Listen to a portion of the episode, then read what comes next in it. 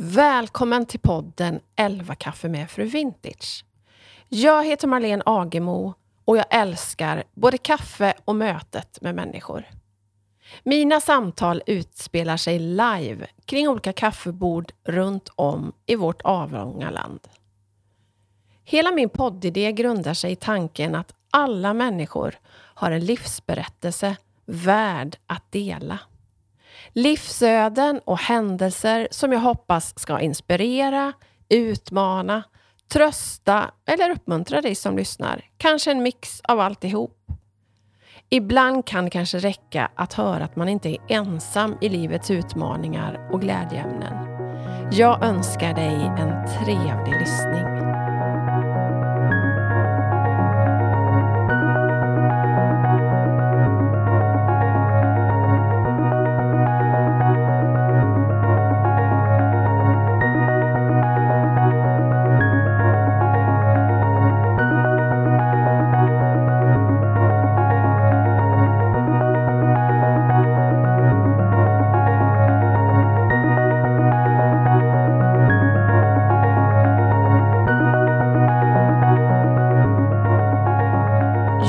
Ju haft en liten poddpaus ett tag eftersom jag jobbat med min bok Att följa sitt hjärta.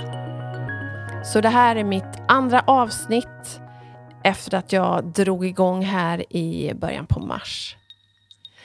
Boken som jag jobbar med är en förlängning av mina föredrag med samma namn.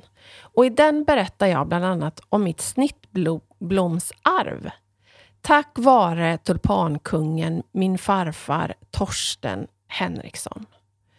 Och med anledning av detta så tänkte jag att det vore roligt att prata med Alex, som är den i släkten som har tagit blomsterarvet vidare genom sitt företag House of Flowers.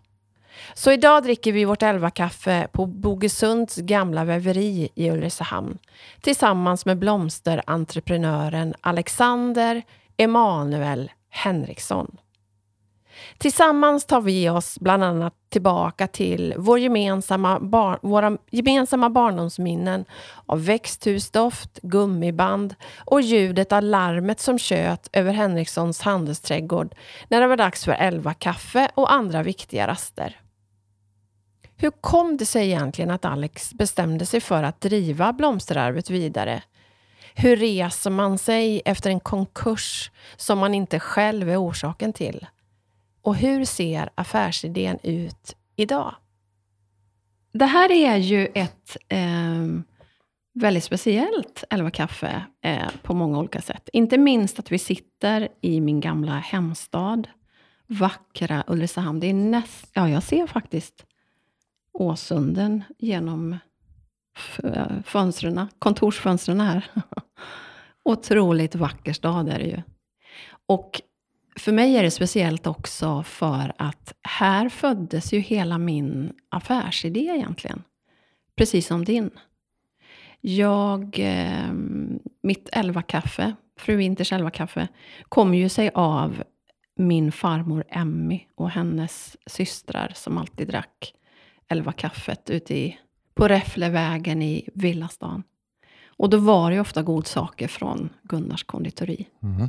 Så det känns ju extra, extra fint. Det var tur jag valde det då. Idag. Vad sa du? Det var tur jag valde rätt. Ja, precis. Finns det fler, det finns fler. idag? Ja. Det tror jag knappt att det ja. gjorde då, jag vet inte. Ja, det, jag ser fram emot eh, fikat här. Men, eh, ja, vi höll på att säga, vilken ände börjar vi Vi börjar i den här änden att hösten 2018 så sitter min mamma Maria och jag hemma i mitt kök på Bromsta gård och dricker just elva kaffe. När det knackar på dörren och utanför står ett blombud.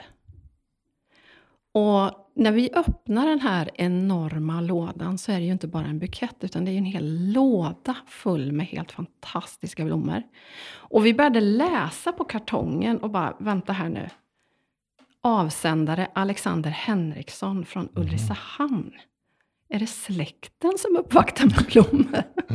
Kommer du ihåg det? Jag kommer ihåg att jag skickade ut ett gäng sådana till, Ja, till olika För influencers. det var ett samarbete tror jag. Ja, jag nej, men jag var- skickade ut till tio stycken tror jag. Jag fick eh, kontaktuppgifter av eh, Karin Stigstotter. Ja, precis. Och jag hade ingen aning om vilka jag skickade till. Jag kände ju ingen och visste inte att fru Vintage, att det var du, att vi var släktingar och tredjedelskusiner dessutom. Det var ju... Exakt vad vi förstod sen då. Det fattade, visste inte jag heller då. Så det var alltså Karin som hade valt ut. Så det var en slump egentligen att Ja. de, de hamnade just hos mig. Ja, Det var det otroligt eh, festligt. Ehm, Var det 2018? Eller var det Ja. så långt? Oj, oj. jag har som sagt snokat lite bakåt nu. Och som sagt, vi är ju sysslingar då, eller tredjedelskusiner, eller vad, tremänningar, eller vad folk nu säger. Eh, och våra gemensamma nämnare är ju våra pappor då, som är kusiner, eller var kusiner. Min Mm. pappa lever ju inte längre. Men din pappa Peter, Han lever i allra han högsta grad. lever i allra högsta grad. Ja. Och jag var ju faktiskt brudnäbb på deras bröllop. Det minns inte jag, men jag, de har sagt fanns det till inte du. Nej, det fanns jag inte. Nej, men det vet jag. Men jag och mina systrar. Men kan inte du berätta lite grann om vårt eh, snittblomsarv, hur det hela började? Ja, vi drar väl inte den långa varianten, utan drar lite Du får kortare. dra hur lång du vill. Eh, Men det startade väl med alltså våran farfars far eh, 1924, Gunnar Henriksson. Han började väl odla eh, alltså sticklingar med cyklamen, har jag fått höra. Alltså, börja odla och sälja så småningom. Och sen har väl eh, alltså min farfar och din farfar och hans bröder fortsatte väl att bygga den här trädgården på trädgårdssidan, som är så, eller på andra sidan sjön. ja, precis. Villastan. Villastan, ja. Ja. Och nu är jag väldigt, jag har det noterat någonstans, men alla årtal kan jag inte. Men Jag tror att det var 1924 som... 1924, det vet jag att det Ja, startades. för det tror jag läst på din och- hemsida ja, till och med. Ja, det stämmer. Och sen Eh. tror jag att det var i mitten på 50-talet som eh, farfar och min farfar och din farfar, Mm. min farfar Torsten och din farfar Hans, va? precis. Ja, att de tog över. Ja, och ihop med sina ytterligare två bröder, Ja, tre bröder. va? precis. precis. Eh, ja, och sen efter det så var det väl alltså, avkommorna till dem som tog, fortsatte driva det. Eh, varav en var min, nu ska vi se här, ja, min pappa och hans bröder. Som, jag vet inte vilket årtal, men det var på 70-talet någon gång som de tog över och drev. Eh, ihop med kusin, alltså mm, vad blir det nu? Pappas kusiner, alltså vad heter han nu? Urban. Urban ja. Ja, precis. Men de delar väl på sig någon gång på 80-talet tror jag det var. Ja, mycket möjligt. Ja, nu är det årtal, årtal Ja, igen som är lite svårt. Men Som är svårt. hur som helst, eh, jag skulle väl säga att jag är den fjärde generationen. Ja, men det är Och fantastiskt. väl den enda som håller på med blommor utav alla Ja. idag. Ja, det är ju helt fantastiskt. Så Vi att ska nu- återkomma till hur det kom sig att du tog över och hur det ser ut idag. Men hur mycket minns du, alltså jag tänker barndomsminnen utifrån Handelsträdgården? Har du det? Oh ja, Eller hur? det var ju där man lekte. Vi bodde precis, eh, alltså rakt över vägen så började trädgården som vi kallar det. backen Uppe bodde i- ni va? Eller ja, ovanför? Precis ovanför. Ja. Och eh, nej, men när man var ung så var det var ju där man lekte. eh, Höll till. Jag minns doften. Ja. När man klev in i ett växthus. Den har jag mer förknippat med arbete framåt. ja, men det är härligt när det lu- luktar lövkojor och liljor i hela kvarteret. Ja. Jag minns också, jag har något minne av en massa svarta gummiband. Ja, svarta var de de var eh, bruna. Bruna ja, kanske. Ja, de var överallt. Som jag gissar att de band eh, buketter med. Ja. Men eh, hur tidigt fick du liksom hugga i och hjälpa till? Mm, jag var nog tio år när jag började jobba första gången och då var det ju mellan frukost eh, och lunch. Så man Aha. körde tre och en halv timme om dagen Ja. ungefär, och fick då Barnarbete. Fick, barnarbete, ja. Och fick då betalt i, i timpeng i form av ens ålder. Aha, Så det var tio år så fick jag 10 kronor i timmen. ja men vad smart. Ja. Så att det var väl eh, plasta buntar, eller plasta mm, färdiggjorda buntar. Och ja, röja lite och göra lite småsaker. Sen blir det mer och mer för varje år. Så att man är ju i princip uppvuxen där. Ja. Och sen man blev 14-15 och insåg att man måste ha en, tjäna lite mer pengar. Så att då började man jobba lite mer seriöst. Alltså på helger och plocka tulpaner. För det var ju ett eh, arbete som där det skulle göras varje ja, dag. ja. Iris och ja. ja, och krysantemum va? Krysantemum var väl lite av deras signum, Ja. tror jag. Tillsammans med tulpanerna. Jag har ju fått berättat för mig hela mitt liv, så länge pappa levde, att jag var kanske två, tre år när jag plockade en hel rad tulpaner själv. Det var bara det att jag tog bara själva blomknoppen. Så pappa kommer in till en hel gång utan tulpan. Det var liksom bara skälken. Ja. Det har jag fått höra hela min uppväxt. Och det kan jag förstå i och för sig. Det var nog inte så jä- jättekul. Nej, så att man har varit uppväxt där absolut mycket. Och när man, innan man började jobba så var man ofta med, de hade så kallad eldvakt. Eh, pappa och hans bröder, de hade, varje kväll ska man ner och titta så att temperaturerna var rätt i växthusen och Ah, pannan funkade som den skulle och kylarna gick. Och, så det var alltid spännande att gå med på kvällarna med ficklampa och se så att allt var okej. Ah. Det är väl så, det är bland de första minnen jag har fr- från när man, Jag har något minne, jag vet inte om det stämmer, men jag har något minne av att det var någon frukost eller lunchklocka som tjöt. ja det stämmer. Stämmer det? Ja. Det, nu ska vi se här. Det var väl en som ljöd klockan sju när man skulle starta arbetet. Och så var det en klockan nio när man skulle gå på frukost. Och så ljöd det när man skulle vara färdig med frukost och så var det vid elva kaffet Ja, och så, så det var lunch och så när man slutade. Ja. Över hela trädgården. Ja, det var Ja, då speciellt. minns jag rätt. Det är ett ljud som sitter kvar i huvudet. Och Ja. jag, jag minns ju när vi var små så låg vi ofta under eh, köksbordet hos farmor och farfar. För de bodde ju precis rakt över på ja. Räfflevägen. Eh, när farfar kom in då på frukost och elva kaffe. Och då hade farmor alltid lagt ut tidningspapper precis vid hans stol på kortändan. Så han behövde aldrig ta av sig sina kängor, sina arbetskängor.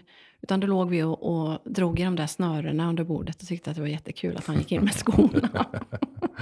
Ja. Och de var det nära till hem allihopa som jobbade där. Alltså, eh, din farfar och min farfar och Olle och Greta och Precis.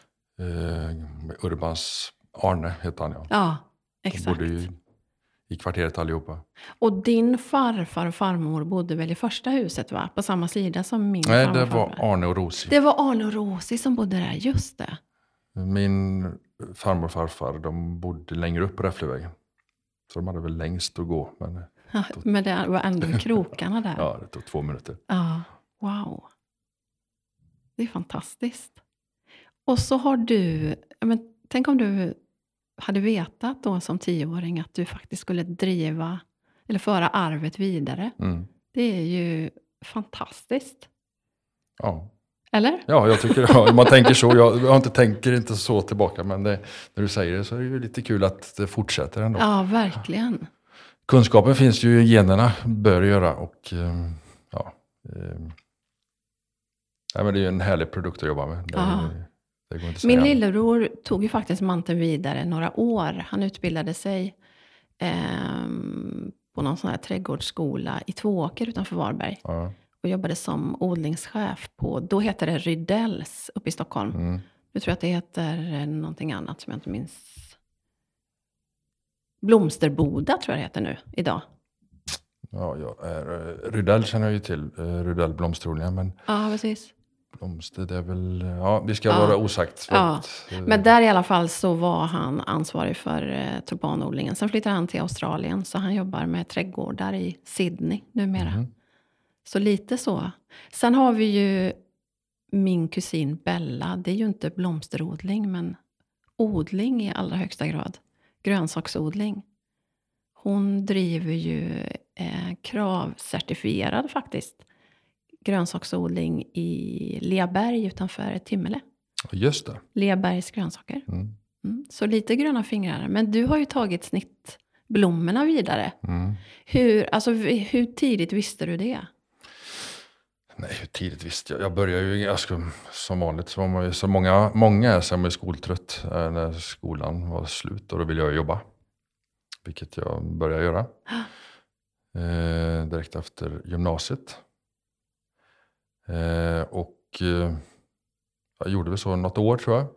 Sen tänkte jag jag måste göra någonting. Eh, så jag, lum, alltså, jag skulle gjort lumpen var tanken, men den eh, alltså, lades ner såklart i samband med skrotning av försvaret. Så att, jag tänkte jag måste göra någonting annat för att jag kunde inte bli låst här som mina förfäder på en trädgård hela mitt liv. Alltså. Så jag måste ut och se vida världen. Så att Ja. jag fick ta på en, en god vän som var intresserad av att åka jorden runt under ett halvårs tid. Jaha, Så att då drog vi iväg i, ja, var nog 20-årsåldern tror jag. åkte 1920. vart? Ja, vart åkte vi då? Eh, Vi började eh, Asien, Bangkok, Thailand, Malaysia, Singapore, eh, Australien, västra Wow. Australien, Perth, där vi också jobbar såklart med att plocka blommor. Jaha, Såklart. Vi hade kontakter. Jag, jag snokade tag i lite kontakter som, som man kunde försörja sig under resans gång. ja, Det ska inte vara roligt hela tiden utan man måste jobba på ja fälten. Så ja. det, det minns jag väl. Det var en väldigt kul tid. Vad plockar ni då? då? Då plockade vi något som heter Anigo Santos. Kängurufötter heter det väl på svenska. Det är en Mhm. snittblomma som finns i tre, fyra färger. Jaha, Som vi har också emellanåt i vårt sortiment. ja. Eh, så det gjorde vi just Australien. Och sen så gjorde vi Australien runt såklart som backpackers. Eh, vidare till Nya Zeeland, Nya Zeeland, Fidjöarna. Och sen runt klotet då, datumzonen och till eh, USA. Mhm. Var det typ på 90-talet det här då eller? Ja, Nej, vi skiter i de där åren, Vänta det lite här, jag fyllde 20 när vi var i USA vet jag. Så att, Ah, och, ja, det kan ha varit fem år sedan då kanske. för du är född 76 va? 76, om det var fem år sedan vi var iväg och reste. Nej, jag är född 76. ja. Ja. Just det. Så det är väl 20 år sedan snart. Ja, vad blir det? Ja. 20, nej, 25 år sedan. Usch, usch. Minst va? Ja, jag minns det Ja. som igår. Men det var väldigt, eh, hur som helst, det var väldigt, eh, vad ska man säga, eh, bra resa. Men gjorde du det då med tanke på att sen åker jag hem och fortsätter jobba på trädgården? Nej, men det var väl också man fick en tankeställare lite, vad, vad vill jag göra framåt? Ja. Vad, vad finns det, vill jag sätta mig och läsa till någonting? Vad är jag intresserad utav? Vad, vad, är, vad är jag klok nog till att göra? Ja. för att trivas. Och, ja, nej, så det blev väl ändå, jag kom tillbaka, att ehm, utveckla mig i bolaget istället. Och börja sälja, istä- börja sälja på lastbil eh, gjorde jag ganska snart när jag kom hem. Fick ett, tog ett körkort för det och gjorde det. Vi hade ambulerande försäljning. Fick ett distrikt och började lära mig att sälja, så det var kul. Jag gjorde det nog i tio år. Då lärde man sig mycket hur kunder fungerar och ja, just det. framför alla blommor och hur flödena och sen efter det så tröttnade jag väl lite eller gav lite sken om att det finns väl mycket annat vi kan göra. Så att då fick jag börja jobba hemma och ta hand om inköp. Vi började med krukväxter vid den tiden då vid, det är 20 år sedan nu ja. Fick jag ta ansvaret för det och sen, Innebar det resor också då till Holland och så? ja det har varit mycket resor till Holland, absolut. Dock de senaste åren har jag varit dålig på det men det, det har ju varit lite orsaker till Lite det. orsaker som vi alla känner till. Ja.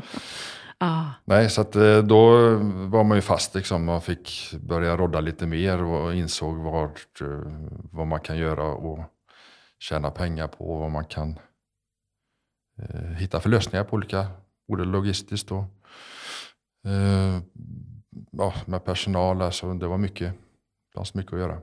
Datorisera framförallt alltihopa. Det Ja, var ju just det. väldigt manuellt när jag började. Och Det kan jag var mycket väl- väl tänka mig. det var väl det som gjorde att mina, min far och hans bröder blev lite, när jag började inse att vi kan ju inte hålla på och skriva noter som fakturor. Vi måste datorisera, det är ju så enkelt.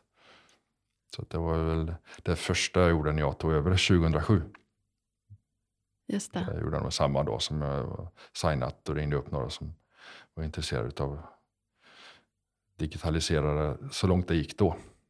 Så 2007 tog du över. 2007 tog jag över. Var din pappa kvar då? Nej, då var Nej. han inte kvar. Så då var det Eh, du själv? Sam, då var jag själv. Medan min farbror Robert, han drev ju trädgården vidare. Ja, just det. Jag startade, vi alltså delade på oss lite, så han körde ju eh, odlingsbiten och jag körde grossistdelen. Just det. Sen eh, höll han på i tre, fyra år innan han ja, sålde, sin växt, sålde växthusen och även marken. Just det. För du var aldrig intresserad av själva odlingen då, utan det var Nej. säljet, eller? Säljet. Ja. Gröna fingrar har jag inte. Inte jag det sättet. heller. Och det retar mig så. Ja. Det borde man ju Nej, man ha, måste ha ett intresse för annars Jo, men precis. det, det, det går inte. Nej, men så är det verkligen. Just det, så säljet var ditt driv och det som tog det vidare. Mm. Sen, hur kom det sig att du bytte sen namn till House of Flowers? Vad hände liksom på vägen där? Det blev ju eh, ett abrupt slut 2015 efter ett stort svindleri på bolaget. Oj, eh, som visade sig vara en, en eh, anställd. Som lika gärna kunde varit min mamma. Hon, alltså det var någon som min farfar anställde innan jag var född. som hade varit i bolaget Ja, hela, som jag fick i med mig. alla år? Ja. Oj, Eh, och då gick ju luften ur mig lite. Eh, men man, kan inte, man får ju bryta ihop och gå vidare. Och då är det något ont för ett snart gott, tänker jag. Så att då startade jag det här House of Flowers. Och hade, jag hade väl de sista åren där innan vi välte det och startade om insett att det går ju. Varför kan vi inte skicka blommor i Sverige runt om till privat, privata och till företag? Och eh, torrt i lådor. Eftersom jag köpte vid det tillfället köpte vi in pallvis från Ecuador och Colombia och alla sorters blommor. Och det gick torrt. Så då tänker man i Sverige borde man kunna skicka torrt i en och två dagar och det funkar alldeles utmärkt. Så länge det är fräscht och färskt. ja. Så lite så, idén föddes lite innan där och sen började jag testa med lite olika adresser i Sverige. Och, ja, Så Kommer- konkursen egentligen gjorde att Alltså borstar du bara av det då och så körde du... Nej, Ja, Eller borsta liksom- av, men ja, ja, visst, man, så pass ung som man är så vill man ju fortsätta och man hade ingen utbildning. Hur gammal var du då? då? Eh, detta är ju då 2015, men jag var 35. 35-årsåldern. Ja. Eh, nej men ja, borsta av, det var ju tungt ekonomiskt Ja, framförallt. Det var ju väldigt mycket eh, problem. Men eh, jag tänker att det är ju det är bara pengar. Man är ju, hälsan Men är ju, utan att grotta mer i det, blev hon dömd för det? Hon blev dömd och fick fängelse i flera år. Aha. Och återbetalningsskyldig, men dock inte till mig utan det blev till konkursboet. Oj, vilken grej. Så det var mycket som försvann där. Så lite uppförsbacke måste det ha varit då? Eller ganska stor ganska lång uppförsbacke. Ah, Och där är också med att starta om och vända om. För du börjar ju på minus lite när du drar igång ett nytt bolag och så eh, i samma bransch och de vet vad som har hänt. Ja, och det är allt från leverantörer till ja, logistik. hur var det? Ja, eh, lite tufft emellanåt har det varit. Men eh, Men var du ska- själv då när du, när du, alltså när du drog igång det nya House of Flowers? Var det bara Ja. du då eller var ni fler som... ja, det har varit flera med på resans gång fram och tillbaka lite. Men eh, stora delar är jag som har haft den drivande hela tiden. Sen har jag haft med mig lite folk. Eh, när vi växlade om till House of Flowers, då var det en som heter Tobias som är från stan här. Så det var vi som började titta på det. Och, han var duktig på allt utan blommor kan man säga. Ja, sen så med tiden så allting kostar ju mycket och det blir det krävs ett omtag runt alltihopa. Ska vi ta in pengar för att komma vidare eller hur gör vi? Och, ja, det har varit mycket uppförsbacke men också man ser ju någonstans att det kommer bli bra. Men det tar tid att bygga ja. varumärke och allt runt omkring.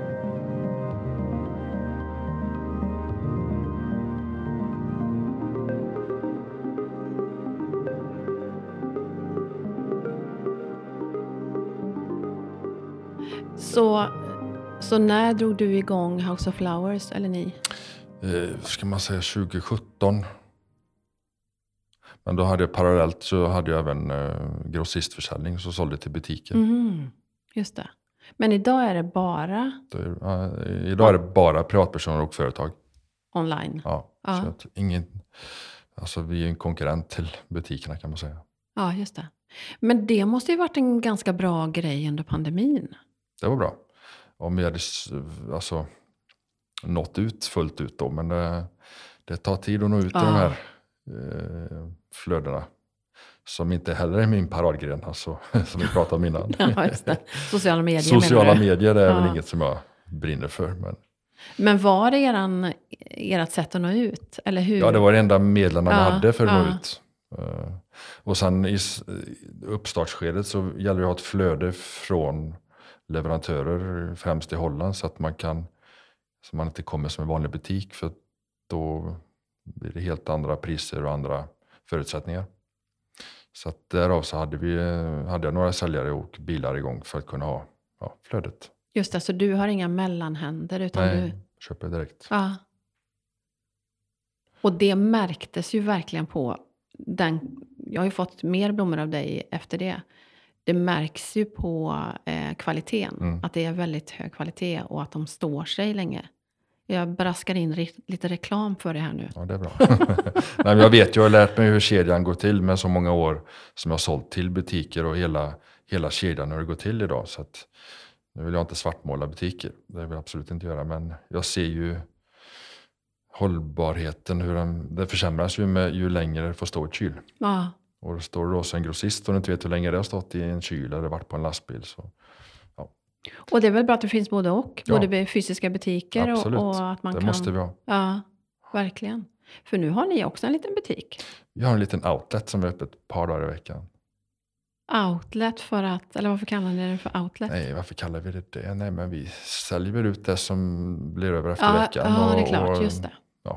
Det är låga priser helt enkelt, bara Mm. för att få flödet, slippa kassera. Just det. Men sen ute med vägen så har, har du ju haft lite roliga samarbeten, inte minst uppe i huvudstaden. Jag tänker på ehm, med indiska var det väl? Ja, just det. Det började med indiska. Eh, Som tog in dina blommor i Ja. sina butiker. precis. Det var kommissionsförsäljning, så vi stod ju för försäljningen där. Vi började med indiska, tre butiker i Stockholm och de tyckte det var så bra så att vi fick alla butiker i Sverige. Eh, och det ledde till att eh, ett halvår senare så hörde Åhléns av sig. Eh, jag tyckte det var ett fint koncept och ville ha det i sina. Testade i några varuhus. Och vi testade och ett och tre ville de ha det i samtliga sina varuhus. Så att ett tag var det väldigt stökigt med många, många olika. Eh, eh, och det är både bra och dåligt. Alltså det blir ju eh, inte genomtänkt fullt ut och eh, allt från inrede till logistik blir Ah, lite svårt det. att hantera. Ah. Och sen vill man samtidigt få fram sitt varumärke så inte det blir Såklart. misshandlat på vägen. Så Ja. att, det har varit både för och nackdelar med att ha haft dem. Men idag är det väl bara ja, ett, ett urval av Åhléns varuhusen som vi har. Just det. Är det annars företag mest eller är det privatpersoner mest som ni skickar till? Det mest privatpersoner skulle jag säga idag. Aha. Och, eh, och vi har prenumerationer såklart, men den, alltså den stora biten är ju att vi, det finns ju, ehm, jag vet inte om man ska nämna några namn, men det, det finns de stora aktörerna på marknaden där folk eh, skickar blommor sinsemellan i landet. Och det är där som man ser den stora potentialen. Ja, just det. Alltså att istället så gå in på vår sida och skicka till vem du vill i hela Sverige. Och sen har du också någon slags prenumeration, prenumeration som man kan Ja. få. Ja, så du kan eh, gå in och teckna en om du vill ha varje vecka, varannan eller var tredje. Och vilken storlek på bukett du vill ha. Det var ju väldigt kul. Men det är svårare, det är svårare alltså, att, att få någon, alltså jag gillar ju inte ordet prenumeration och inte ordet abonnemang heller, men det finns ju inget. Nej, vad ska vad, man- vad ska man säga? eh, och det är väl klart det är en högre tröskel för folk att- börja abonnera eller prenumerera på en, ett varumärke som för många är okänt. Det är ju inte den, lägsta tröskeln eller lägst hängande Nej. frukten, utan det är ju testa ett blomsterbud eller eh, så ringa på vattnet. Om du skickar till någon som ringer upp dig och tackar och säger fantastiska blommor. Det är den bästa reklamen. Men Ja, just det. Det är ju inte vi alltid. Vi hör ju bara när det är något som inte riktigt går hela vägen fram. det är så no news, good news. Ja, just det. Mm. Men kan du se mm, förändring på liksom hur människor handlar idag? Alltså under de här åren som ni har drivit nu. Är det fler som handlar online idag? Går vi Mm. Ja. däråt eller, eller vart är vi på väg tror du? Vart är vi på väg? Jag tror det går i vågor. Alltså just nu har väl eh, den fysiska handeln fått ett uppsving. Ja, Eh, Det måste finnas bägge delarna. Det tror jag. ja, Och hoppas att Ja. det blir så. ja. Det vore tråkigt om alla låg hemma med sina plattor och beställde allt. Eller hur? Ja. Verkligen. Usch. Men det är, vad jag menar med det är att eh, även idag när du beställer blomsterbud till någon annan så är det ju ofta via nätet också fast butiker emellan. Nu slipper man det utan nu får man en, det går via en, ett företag som löser hela logistiken, Ja, just det. alltihop. Det som var kul med eh, när du började med indiska var ju att eh, Läkarmissionen fick ju vara med på ett litet hörn där. Ja, just det. Det var väl, nu ska vi se här, det var väl vid pandemin bröt ut va? Så kan det nog ha varit. Och de stod i Holland med så en enorma volymer med snittblommor. Och då var vi snabba och eh, eh, Karin Lindahl då, som var vd på Vindiska tidigare, innan det fick en ny skepnad. Eh, då ringde vi henne och vi kom överens om att vi eh, köper massor med snittblommor. Vi fick ett jättebra pris och så gör vi något bra utav det. Och så tog vi då till, jag, vet, jag minns inte några siffror nu. Nej, men, det gör inte jag heller. men vid större delen, allt överskott gick till Läkarmissionen tror jag. Precis. Jag minns att det var så. Ja, men så var För, det att- absolut. för att få ut volymen istället Ja. för att slänga alltihopa i Holland Ja. så fick vi massor, en hel, jag tror det var en hel långtradare med ja, ja, så, bara- såklart. Pandemin gjorde att de stod med stora lager. Ja, det de- blev stopp någonstans där. Det blev ju, Mm. eh, det var rätta, det måste varit i mars någon gång där, när det bröt ut, mars, april. Ja, det var Ja. kul att du påminner mig om sånt Ja. där historiska saker. ja, men det var jättekul. Ja. Och även att man har kunnat köpa, ehm, man har kunnat beställa i eran online, eran webbutik, Mm. bu- bukett där en viss del har gått till Läkarmissionen. Ja, stämmer bra. Jättefint. Mm. Det gör mig så glad. Det skulle man göra fler, man ska ju egentligen göra det i, eh, på fler saker. Ja, Så allting får ett mervärde. ja men verkligen. Verkligen. Mm. Får du några idéer nu? Ja, Ja. jag fick många idéer. Vad bra. För det var min nästa fråga. Hur ser du eh, på framtiden? Ja, Jag ser ljust på framtiden. Bara man kommit upp över krönet här nu så ska mm, ser jag inga hinder överhuvudtaget. Allt, hindret är ju alltid det ekonomiska, allting kostar. Alltså Mm. Vi har hållit på nu i flera år och byggt upp alltihopa. I backend framförallt och fronten. Så att eh, nu har vi allt satt och vi har flyttat som du har sett. Ja, berätta om den här fantastiska platsen. Ja, visst är den vacker. Ja, Eh, Men hur som helst eh, så har det varit ett mycket byggande och kostnader fram till nu i princip. Så att nu så är det nästa steg. Hur når man ut? ja just det. Ja, tillbaka till platsen här. Vi flyttade för ett och ett halvt år sedan från eh, de gamla lokalerna som jag byggde en gång i tiden. Eh, Och det kan knappast bli bättre. Nej, Vackert nere vid sjön och gamla lokaler som är restaurerade. ett Fint. gammalt väveri, visst är det så? Ja, Bogesunds väveri låg jag tidigare. Ja, jag har blivit kanonbra. Ja. Och som många olika företag som jobbar där också. Så att det är mycket man kan lära sig utav och ja, mycket utbyten. Jättekul. Och så Mm. fint inrett, bland annat av eh, Ida Ståhl. Ja, Vilket jag såg när jag kom hit. Jag kopplade inte först, för jag ju, följer ju henne på Instagram.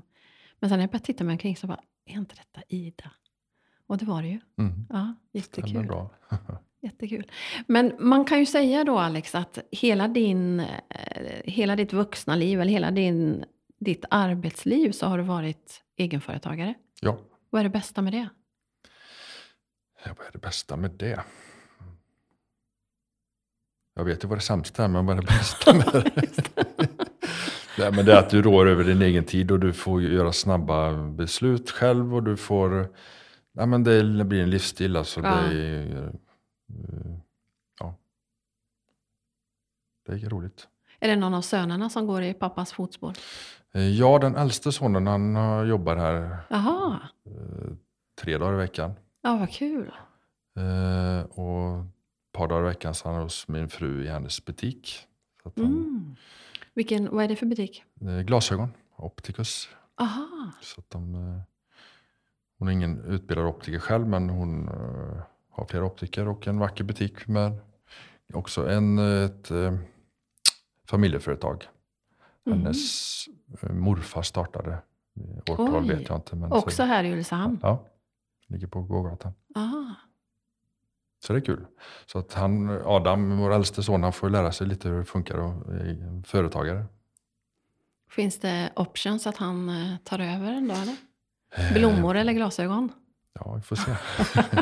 En mix kanske? Ja.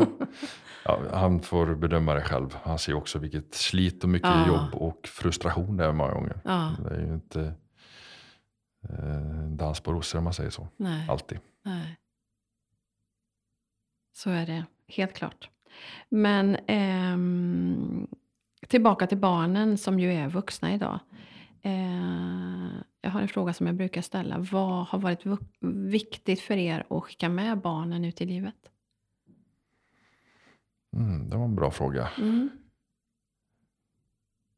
Nej, men att man, eh, ja, alltså att man ska vara snälla, snäll mot varandra är nummer ett och, och inte eh, omtänksam.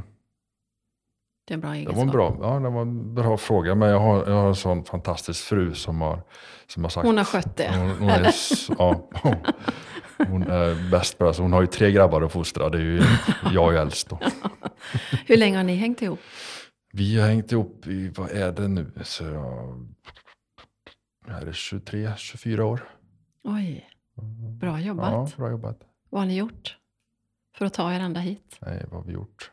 Nej, men vi har roligt ihop och ja, respekterar varandra och klättrar inte på varandra varje dag. Vi har olika yrken och vi, nej men, mycket att prata om på kvällarna och när vi sitter och äter och ja, vad har man gjort för att det Nej, det är, det är också en bra Mång- fråga att ställa Många sig som ibland. springer olika vägar direkt, men jag tycker det när barnen är små och det är, vissa dagar är tuffare än andra, men det är ju bara det finns ju värre saker i livet. Det är bara att hänga i. Ja, hänga i. Men bor pojkarna hemma De fortfarande? bor hemma bägge Ja. Den äldste pojken ska faktiskt resa iväg idag i en månad Mhm. till Asien. Oj, några kompisar. Luffa lite. samma som pappa gjorde. Ja, inte riktigt. Det här blir lite mer, Lite kortare. lite kortare och eh, inte riktigt så backpackersliv kanske, utan det är mer en resväska som gäller. Så Ja, det blir kul. kul. Mm. Vad roligt. Lite avundsjuk är man. Ja, dröm. Mm. Men du, om vi ska knyta ihop den här påsen lite, för jag är ju väldigt sugen på den där semlan, så jag vill gärna avsluta. Men eh, om någon sitter och lyssnar nu, som kanske är lite i startgroparna och starta eget. Nu har du möjlighet att komma med dina bästa råd. Bästa råd. ja. Gör inte så här eller gör Ja, så här. Ingen minns en fegis. Eller hur? Ja, nej, men det är bara, alltså, man kan ha mycket, mycket idéer, men det är väl bara att testa dem. Det finns, man, man kan lyssna på många, men man behöver inte ta till sig med allt alla säger. Alla olika åsikter om allt. Och inget ska vara lätt. För är det alldeles för lätt så hade alla andra gjort det tidigare. Ja, precis. Det är sant. Det ska vara lite svårt. Ja. Men just det här som du säger, att inte lyssna för mycket på andra är ett väldigt bra råd. Det är något jag kan säga. Jag har ju ibland lyssnat lite för mycket på andra, men måste följa mm, vad man själv brinner Ja. för och tycker är rätt väg att gå. Ja, verkligen. Verkligen. Gå sin egen väg. Mm. Kasta sig ut. Kastas ut Ja. bara. Med huvudet före. ja. Ja. Men du, Alex, eh, hur kändes den här eh, podd... Eh, vad heter det? Podderiet. Podderiet, podd... Eh, jag hittar inte ordet nu. Podd... Det är första gången du poddar. Ja. Vad heter det? Podd... Eh, Premiär. premiär. Premiär. Där satt den. Ja, det kändes bra tycker jag. Du har Ja. gjort succé. det tror inte allt för ofta. Nej, men jättekul. Verkligen jätteroligt att jag fick komma hit. Och nu ska vi äta Gunnars semlor. Ja, Tusen tack. tack själv. Hej då!